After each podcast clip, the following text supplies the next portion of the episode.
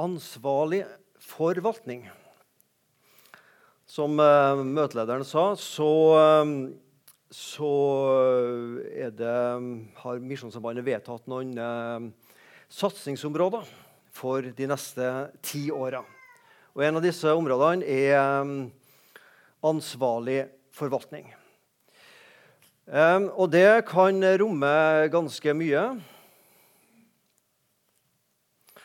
Der er det ei punktliste med ganske mange punkter som eh, Misjonssambandet har satt opp. Og det er alt fra menneskeverd, det er til uh, måtehold og nøysomhet, det er til miljøvern, og det er til så utrolig mange ting som i seg sjøl kan være en tale. Så jeg skal, har gjort et utvalg på to ikke ting, men to områder som jeg skal ta for i dag og snakke litt om. Men før vi gjør det, så skal vi fortsette å takke Gud, for han er godhetens Gud. Herre, du har vært god mot oss med vårt land og med vårt folk og med sånn som vi har det. Når vi ser hvordan det er mange plasser i verden, så må vi bare si Gud, vi har vært veldig heldige. Og det er ikke vår egen dyktighet som gjør at det lå olje ute i Nordsjøen. Vi var utrolig heldige som fikk leve i denne tida, oppleve rikdommen og velstand, men også de utfordringene det fører med seg. Vi takker for din godhet. Først og fremst vises ved at du, Jesus, kom og ga ditt liv for oss. Sto opp til et nytt liv som vi skal få ta del i. Og Det er en godhet at vi kan samles fritt her i vårt land i misjonssalen uten at onkel politi står på døra må du spesielt se til de menneskene og i de landene der de ikke har den samme friheten Jesus. Amen. Som det står her, så er det om å verne om menneskeverdet fra naturlig unnfangelse til, eh, unnfangelse til naturlig død. Og Det er mange punkt som nok skjer nedover her med måtehold og nøysomhet. Og som jeg sa, jeg har gjort et utvalg. Nå har jeg vært eh, pastor i Misjonssalen eh, begynt på mitt 16. år. Um, og I dag skal jeg snakke om et tema som uh, jeg vet jeg aldri har snakka om før. Det var nok kanskje et tema som gjerne ble tatt mer fram for noen år siden, men som vi må holde levende. Det er et utfordrende tema, og det er temaet abort. Det skal jeg starte med i dag. Og Det er utfordrende fordi at du kan sitte her som har utført en abort. Eller du sitter her som har en datter som har gjort det, eller en søster, eller du har en venninne som har gjort det. Og Da er det utfordrende. Jeg kan stå her og snakke teoretisk om det, men noen av dere kjenner det bokstavelig talt mer på kroppen, eller i alle fall i nær familie. Så jeg håper jeg kan snakke om det på en respektfull måte. Men jeg har lyst til å snakke om det fordi det er et tema vi ikke må ta for gitt. Det er et tema som ofte er oppe i eh, media. Jeg tror du må trykke. Den virker ikke.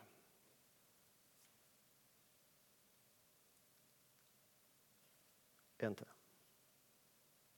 Jeg tror jeg gir deg et signal når du skifter. Bare skift. Abort, også kalt svangerskapsavbrudd, det dukker jo opp i mediebildet, vet vi, og en aktuell politisk sak.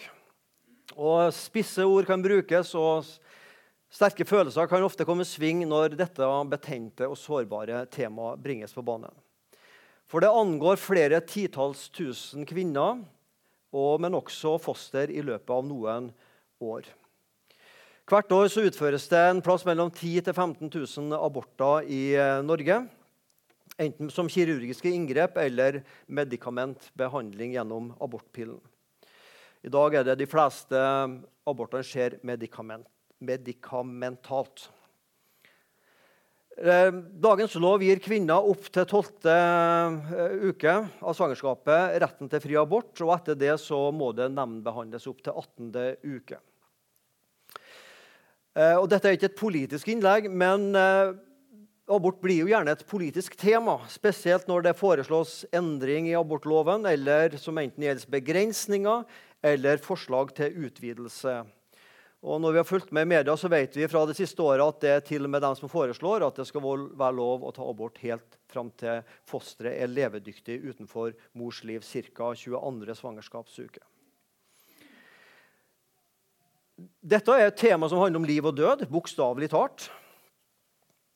Liv og død, ikke minst for små skapninger. Hvem vil forsvare, hvem vil stå opp for de aller svakeste i samfunnet? Et samfunns graden av humanitet i en nasjon det måler vi på hvordan vi makter å ta vare på de svakeste og de aller svakeste blant oss. Og Ingen gruppe er så, svagt, svakt stilt i samfunnet som et foster. Hva, hva er abort egentlig? Vi trenger å slå, se litt bak slagordene. Eh, og har du fulgt med media, så vet du litt om disse slagordene. Kvinners rettighet, bestemme over egen kropp. Barn har rett til å være ønska. Og kanskje mer for noen tiår siden da jeg var yngre, så var dette slagordet det er jo bare en celleklump. Og det er jo helt rett. Men du og jeg er også bare celler, på en måte. Vi er også en litt større celleklump. Vi er mennesker skapt i Guds bilde. Og fosteret tilhører de som Gud også speiler sitt bilde i.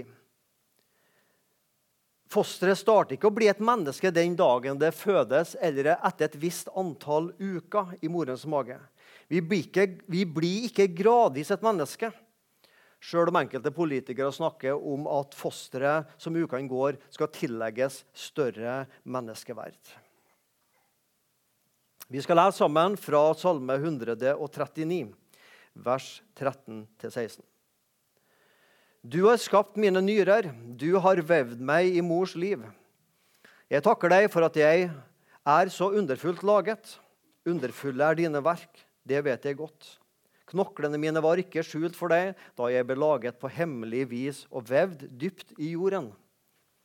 Dette er jo poetisk språk, ikke sant?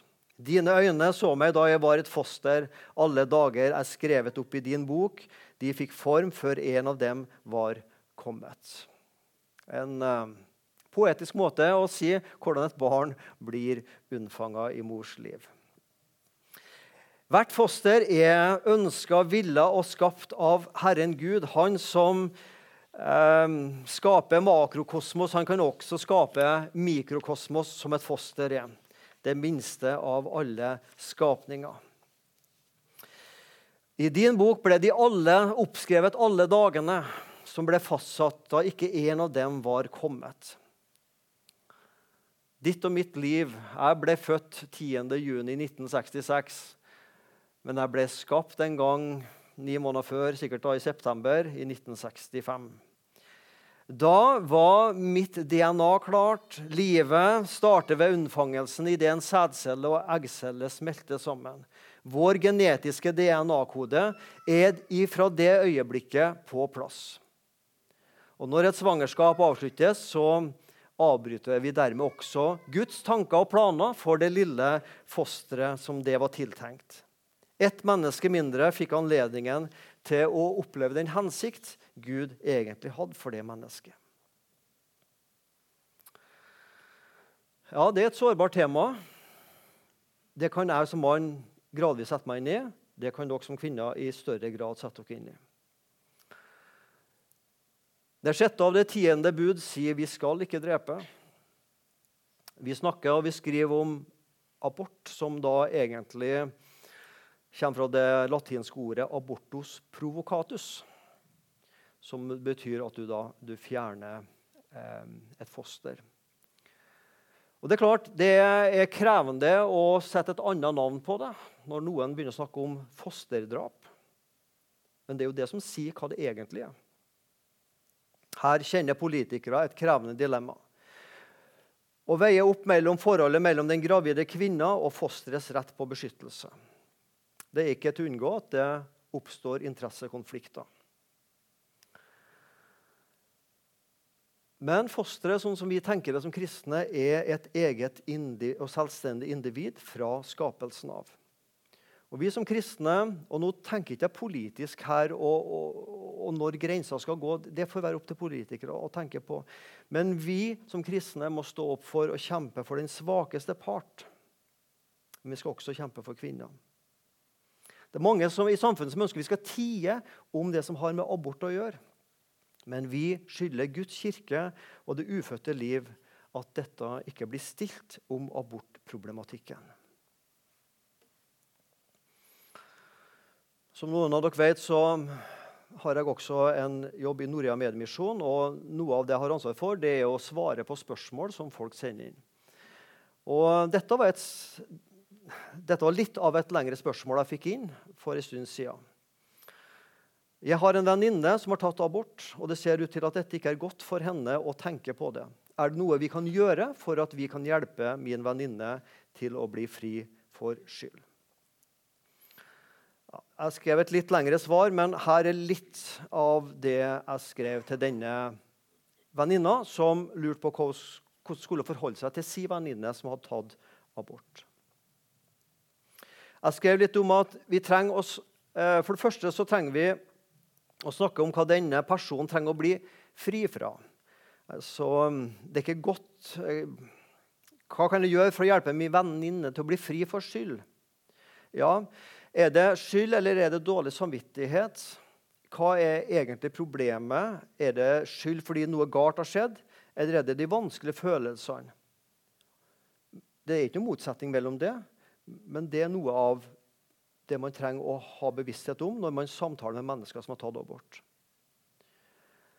Um, jeg tror, som jeg også skrev til denne dama, jeg tror det kan være en god hjelp at hun hjelper sin venninne til å, å, erkjenne hva faktisk en abort er, og hva det er som skjedde i en abort. Og at det å bekjenne det som en feil handling, det er også med å sette oss i frihet. Vi må være forsiktige med skyld, sier noen. Ja, men skyld, når jeg får erkjent skyld og det som er galt, så kan jeg bli satt i frihet. Samfunnets lover stemmer ikke alltid med Guds lover. Det vet vi. Det er ikke galt samfunnsmessig ut fra de norske lovene å ta abort fram til tolvte uke. Du har en rettighet til det. Men er det dermed i samsvar med Guds lov? Det er noe annet. Samfunnets lover snakker om kvinners rettigheter og selvbestemmelse. Abort er dermed lovlig, og dermed signaliseres det at kvinner ikke trenger å kjenne på skyld og skam. egentlig. For hun har jo valgt det sjøl, og det er lovlig. Likevel så vet man fra forskning at mange kvinner i flere år etter en abort er tatt, kan kjenne både på skyld og skam og sårhet over det som skjedde. Hva slags råd ut fra Bibelen kan vi gi til noen som er i en fortvila situasjon, og som vurderer abort som en utvei? Jeg skrev til denne kvinna som sendte inn dette spørsmålet, at en av de beste rådene jeg får prøve å gi, da, det er at den som vurderer abort, trenger noen å snakke med. Trenger å høre ulike meninger for å ta det best mulige valget. Og så skrev jeg også noe om at Det er jo ikke bare til hun som sendte spørsmål, men til oss alle, og spesielt til den som er gravid. Start med en gang å tenke på å bli glad i barnet som, som ligger i magen din. Begynn å se det som et menneske som du er glad i. Det var kanskje ikke meningen å bli gravid, iallfall ikke akkurat nå. Kanskje senere. Altså, Omstendighetene rundt graviditeten var kanskje ikke det beste. Men sjøl om det ikke var meningen å bli gravid, så finnes det ingen barn som ikke Gud vil, sjøl om starten ikke var det beste. Velg livet. Velg barnet. Valg vil alltid ha konsekvenser. En gravid kvinne som egentlig ikke ønsker det barnet, iallfall ikke nå, Vet at det har konsekvenser å ta det bort. Og vet at det kan ha konsekvenser å føde det. Kanskje blir jeg alenemor med alle de utfordringene det innebærer. For mannen han bare stakk av, vil ikke ta ansvar. Men det å ta barnet bort, fosteret bort også, er et valg som er irreversibelt. Du kan, måte, du kan angre det, men du kan ikke måte, få det igjen. Heldigvis er det ikke lenger skambelagt av å være alenemor. Vi har gode sosiale ordninger både for alenemødre, men også der det er begge foreldre. så tror jeg også det er viktig å signalisere at altså, den som har blitt uønska gravid, kan forståelig nok kjenne frykt for framtida. Men da tror jeg også et godt råd er å si at livet går som oftest bedre enn det vi kan frykte. Og Dette tror jeg også er erfaringa mange som ble gravid ufrivillig, gjorde seg når de valgte å bære fram barnet.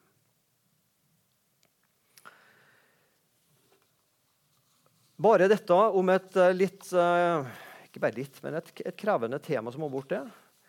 Um, men jeg tenkte jeg ville løfte det fram i dag på denne måten. Jeg har ikke preika sånn sett om det på mange mange år.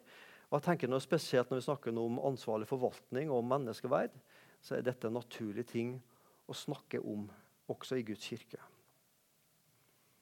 Men Sitter du her og, vet, og, har erfaringer med dette som du kjenner sår, sårbart og vanskelig, så er jeg Vigdis er her som er oppe og ba her. Vi er folk som du kan snakke med her i misjonssalen. Ikke vær redd for det.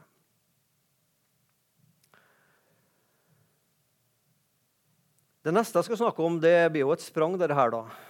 Det er å holde fram måtehold og nøysomhet som gode verdier og forvalte skaperverket til beste for vår neste og for kommende generasjoner.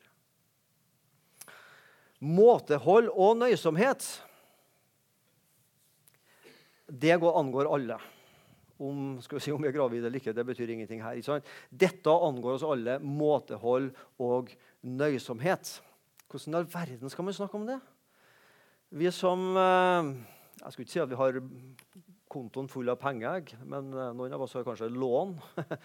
Lånet atskillig større enn uh, brukskontoen er. Men tross alt vi som har det veldig godt da, i verden ja, Det er kanskje nettopp vi som må snakke om nøysomhet og måtehold. Den som har lite, den må jo bare leve i det.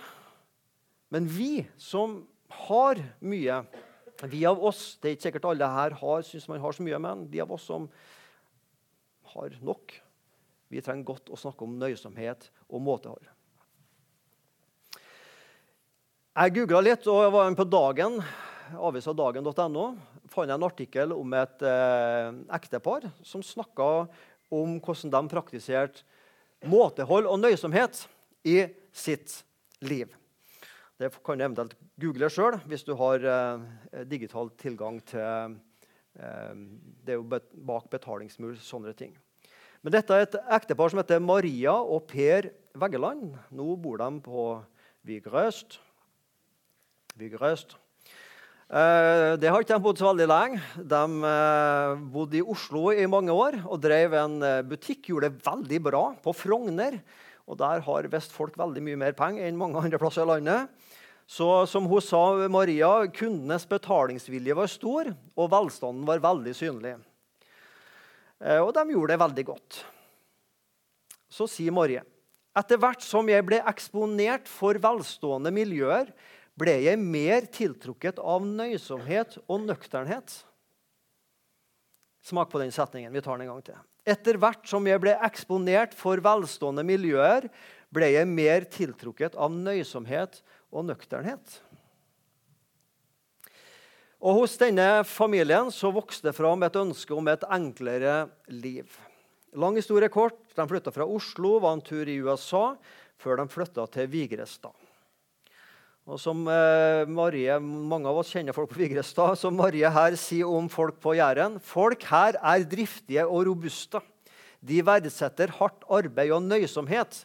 Jeg elsker de jærske verdiene.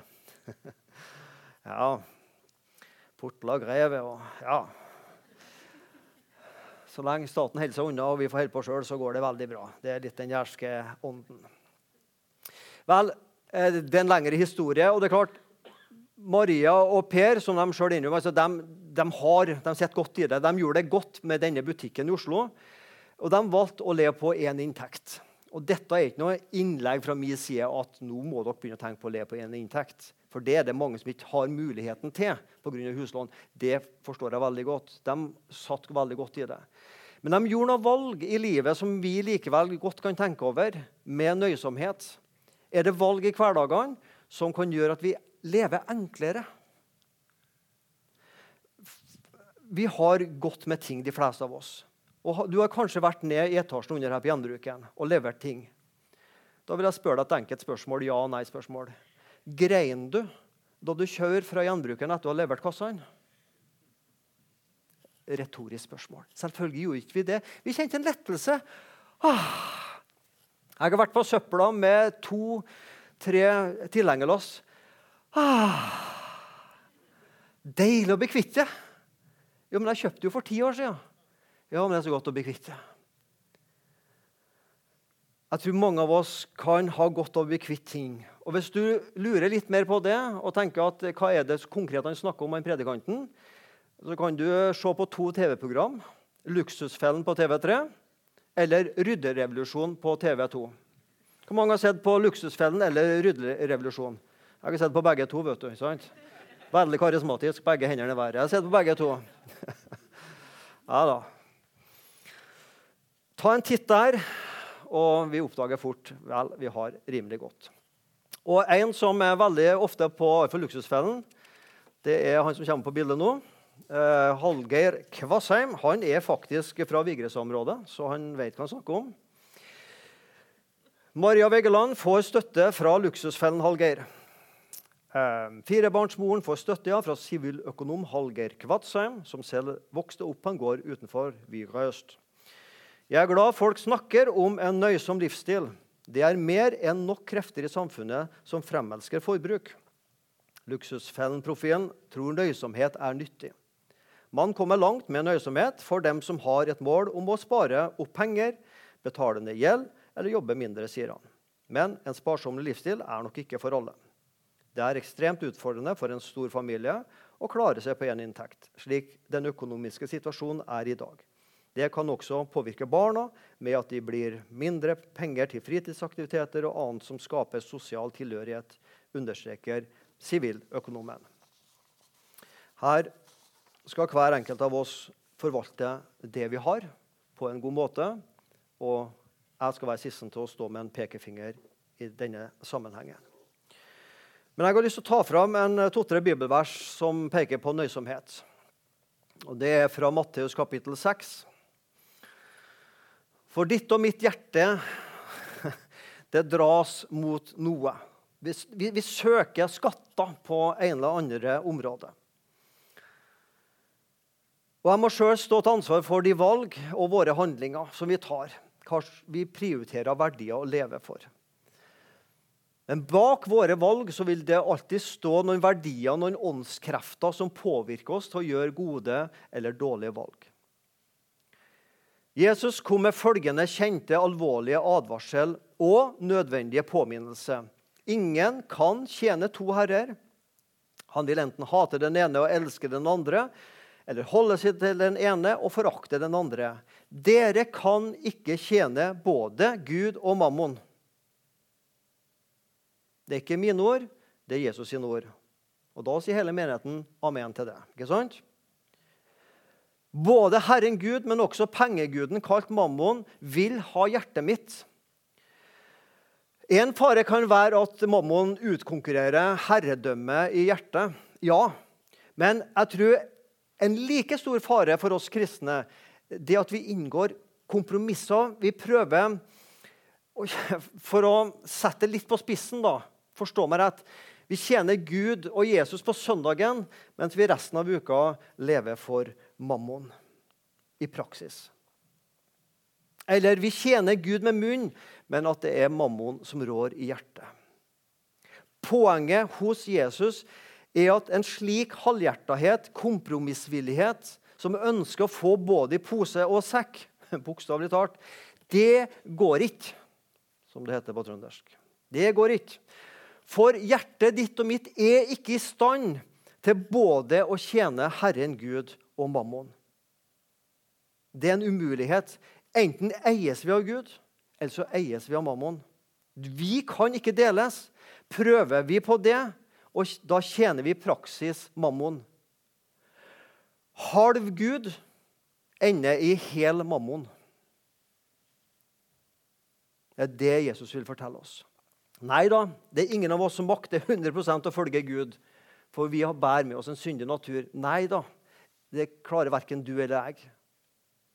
Vi kan aldri være helhjerta 100% for Gud. Det, det makter vi først i himmelen. Men som kristne, frelse syndere av hjertet, så ønsker vi å ha våre hjerter og øyne festa til andre ting enn mammon. Vær ikke bekymret, fortsatte Jesus, for livet, hva dere skal ete og hva dere skal drikke. Heller ikke for legemet, hva dere skal kle dere med. Er ikke livet mer enn maten og legemet mer enn klærne? Et retorisk spørsmål. Underforstått ja, det er det. Livet vårt ble ikke gitt oss primært for at vi skulle erfare kort, mest mulig kortvarige fysiske fornøyelser. Nei, vi ble skapt for noe større og viktigere å leve for Gud. For jo mer jeg mister dette perspektivet, at jeg ble skapt for Gud og ikke for det synlige, jo mer jeg mister det perspektivet, jo mer vil jeg og du begynne å bekymre oss for livet. Gud blir ikke nødvendigvis mer viktig når bekymringene forsvinner. Men når Gud i større grad får prege deg og meg, da vil bekymringene lettere fordufte som sol dugg for sola. Ikke sant? Det er ikke sånn at hvis jeg bare slutter å bekymre meg, så blir Gud veldig viktig. Men når Gud blir viktig, og Gud er herre, og vi tilber Han, og jeg innser at det ikke er jeg som er herre i mitt eget liv, da tror jeg du og jeg kan miste mange av våre bekymringer. For det er jo Gud som er herre over det. Det er jo ikke jeg som trenger å avgjøre alt. Nei, jeg skal få vandre i ferdelagte gjerninger. Så kan de se ut på en måte for deg og en annen for meg. Søk først Guds rike, sier Jesus, og hans rettferdighet, så skal dere få alt dette i tillegg. Hvor mange av oss kan det bibelverset der uten at nei, skal, vi skal slippe å vite hvem som ikke kan det? Jeg tror alle som sitter her, hvis du har vært kristen i mange nok år, du kan dette bibelverset utenat. Søk først Guds rike og hans rettferdighet, så skal du få alt det andre i tillegg. Gode misjonsånd. Dette er det bibelverset alle kristne kan utenat, men som egentlig ingen tror på.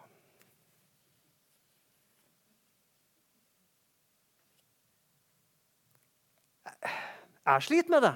Ja, Jesus har sagt det, jeg vet det. og Det er jo sant, Jesus har sagt det, men jeg søker jo han. Hvis jeg bare gjør det og det og får på orden sånn og sånn, så, så Gud har jeg tid. Nei, søk først Guds rike. så skal du Nei, det står ikke 'bli millionær', dessverre. Det står ikke det, altså. Men da skal du få det du trenger. Det Gud ser du trenger, i tillegg. Jesus har sagt det. Det er ikke mine ord. Jesus snur prioriteringene av verdier på hodet. Når jeg søker Guds rike først, så vil Herren Gud bekymre seg for mitt liv, slik at han gir meg det han mener jeg trenger. Nøysomhet, måtehold Det kan fort bli veldig teoretisk, eller det kan veldig fort bli en pekefinger. Ser den bilen du har, ja. ja. Du må ha mye penger. Nei, det er ikke helt kristelig. Ja, mm, akkurat, ja. Det, ah, ja. Det huset, ja. Den hytta, ja. Mm. Jeg har fortalt dere om Maria og Per Veggeland jeg kjenner ikke dem, eh, på Vigres, som tok noe valg. Jeg skal avslutte med å fortelle dere om et annet ektepar som gjorde utrolig inntrykk på meg. Um, som tok et utrolig radikalt valg. De heter Ole og Camilla. Jeg kjenner dem ikke, men jeg har vært i mailkontakt med Ole. For jeg eh, Ja. I den boka jeg skrev, som noen av dere vet, eh, andagsboka, så har jeg med en del sitat fra Ole og Camilla. Jeg måtte spørre dem om lov til det. Jeg så det programmet som heter 'Helene sjekker ut' på NRK, om Ole og Camilla. De imponerte meg. Måtehold, nøysomhet i 200% dem og et annet ektepar, to småbarnsfamilier, bryter opp fra storbyen eh, Oslo for å leve klosteraktig, som Helene i NRK sier det, i ei lita bygd på Vestlandet. Ortevik i Sogn en plass. Ei bygd med under 100 mennesker. De velger det enklere livet. Og Hver dag setter de av flere timer til bibellesing og tidebønner. så spør Helene på NRK var dette bare en fiks idé, eller har de tatt et valg for resten av livet. Hun har lyst til å møte mennesker som velger annerledes enn de fleste av oss, og dro opp til Ortevik for å møte disse to ekteparene. Hvordan lever de? Og Etter å ha tilbrakt noen døgn sammen med familiene og sett hvordan de arbeider, ber og lever, så spør hun om hvorfor de tok det radikale livsvalget å leve annerledes. Hva gjorde det å si ja til Gud ja, En gang til. Hva gjorde det å si ja til Gud med forholdet dem som ektefeller imellom? Spor Helene, Ole og Camilla. Hva gjorde det å si ja til Gud med forholdet dere som ektefeller imellom? Her er svaret. Ole og Camilla svarer. Det å si ja til Gud var å si ja til en felles retning. Det fins et sted der vi er i vår hensikt, der vi er ett, men er likevel vidt forskjellige. Vi har valgt noe som er høyere enn oss sjøl. Noe som er usynlig, noe som ikke er fornuftig, noe som er åndelig. Vi har valgt Gud. Det handler ikke om livsførselen først og fremst. Det handler om overgivelsen. Hvis det er den veien du inviterer oss til å gå, Gud, så går vi der. Koste hva det koste vil. De levde gode liv i Oslo på mange måter. Var med i et band som gjorde det veldig bra og var populære. Så tar de et radikalt valg, flytter avsides. Lever timer i bønn og Bibel hver eneste dag. Og blir sett sikkert på noe som noen raringer i sitt lokalmiljø. Det å stoppe for andres livsvalg, det å betrakte hvordan den kristne tro får prege overgivelse og prioriteringer, det kan provosere, men det kan også inspirere, inspirere oss. Og For oss som deler den samme tro på Fader, Sønn og Hellig Ånd, la oss glede oss over å se opp til mennesker som så helt overgitt tar valg som de vet vil koste, og som menneskelig sett blir sett på som ulogiske og dumme. Paulus gjorde det. Han var jo konge som fariser. Han var sett opp til, elska av alle. Og så er han så dum at han blir en kristen. En lille sekta med bare tapere. Hvorfor var det så dum, Paulus? Å gå fra popularitet til å bli hata og forfulgt. Så svarer han på det til filipperne. Det som var en vinning for meg, det har jeg for Kristi skyld aktet som tap. Ja, jeg akter i sannhet alt for tap, fordi kunnskapen om Kristus Jesus, min Herre, er så mye mer verd. For hans skyld har jeg tapt alt. Jeg akter det for skrap, for søppel, for at jeg kan vinne Kristus og bli funnet i Han. Paulus var mot slutten av sitt liv. Han så seg i bakspeilet. Det livet jeg har levd. Var det verdt det? Var det noe vits? Tok jeg et dumt valg? I menneskelige øyne, ja. Men nei. Jeg vant Kristus. Han levde nøysomt, han levde med måtehold. Og han kunne si det er verdt det. Når du og jeg velger å overgi hele vårt liv til Herren, da tror jeg vi gradvis vil vokse inn i et landskap hvor vi vil erfare velsignelsene ved å sette Gud først. Da vil du og jeg kjenne verdien som ligger gjemt i det usynlige, ufornuftige, åndelige. Det å si ja til Gud var å si ja til en felles retning. Det fins et sted der vi er i vår hensikt, der vi er ett, men allikevel vidt forskjellige. Vi har valgt noe som er høyere enn oss selv. Noe som er usynlig, noe som ikke er fornuftig, noe som er åndelig. Vi har valgt Gud. Det handler ikke om livsførselen først og fremst. Det handler om overgivelsen. Hvis det er den veien du inviterer oss til å gå, Gud, så går vi. Koste hva det koste vil. Herre Jesus, her sitter vi noen Mennesker som eh, tror på deg, eller kanskje ikke tror på deg ennå. Men vi er mange her Jesus, som vil ha deg som herre og frelser i livet. Og som er tydelige på det vår bekjennelse. Ja, Jesus Kristus tror vi på. Han er herre og frelser. Må du være herre over pengeboka, over kontoen, over sjuende sansen, over hele livet mitt, kreftene mine, Jesus. Ta meg og oss alle dit du vil ha oss. Og la oss bruke det vi har fått, med nøysomhet og måtehold. Og så ber jeg også i dag at vi må møte mennesker som kjenner på eller har denne valget med fosteret og hva man skal gjøre. Møte mennesker med godhet, med respekt og forståelse, men også med en tydelighet med fosterets verdi. Amen.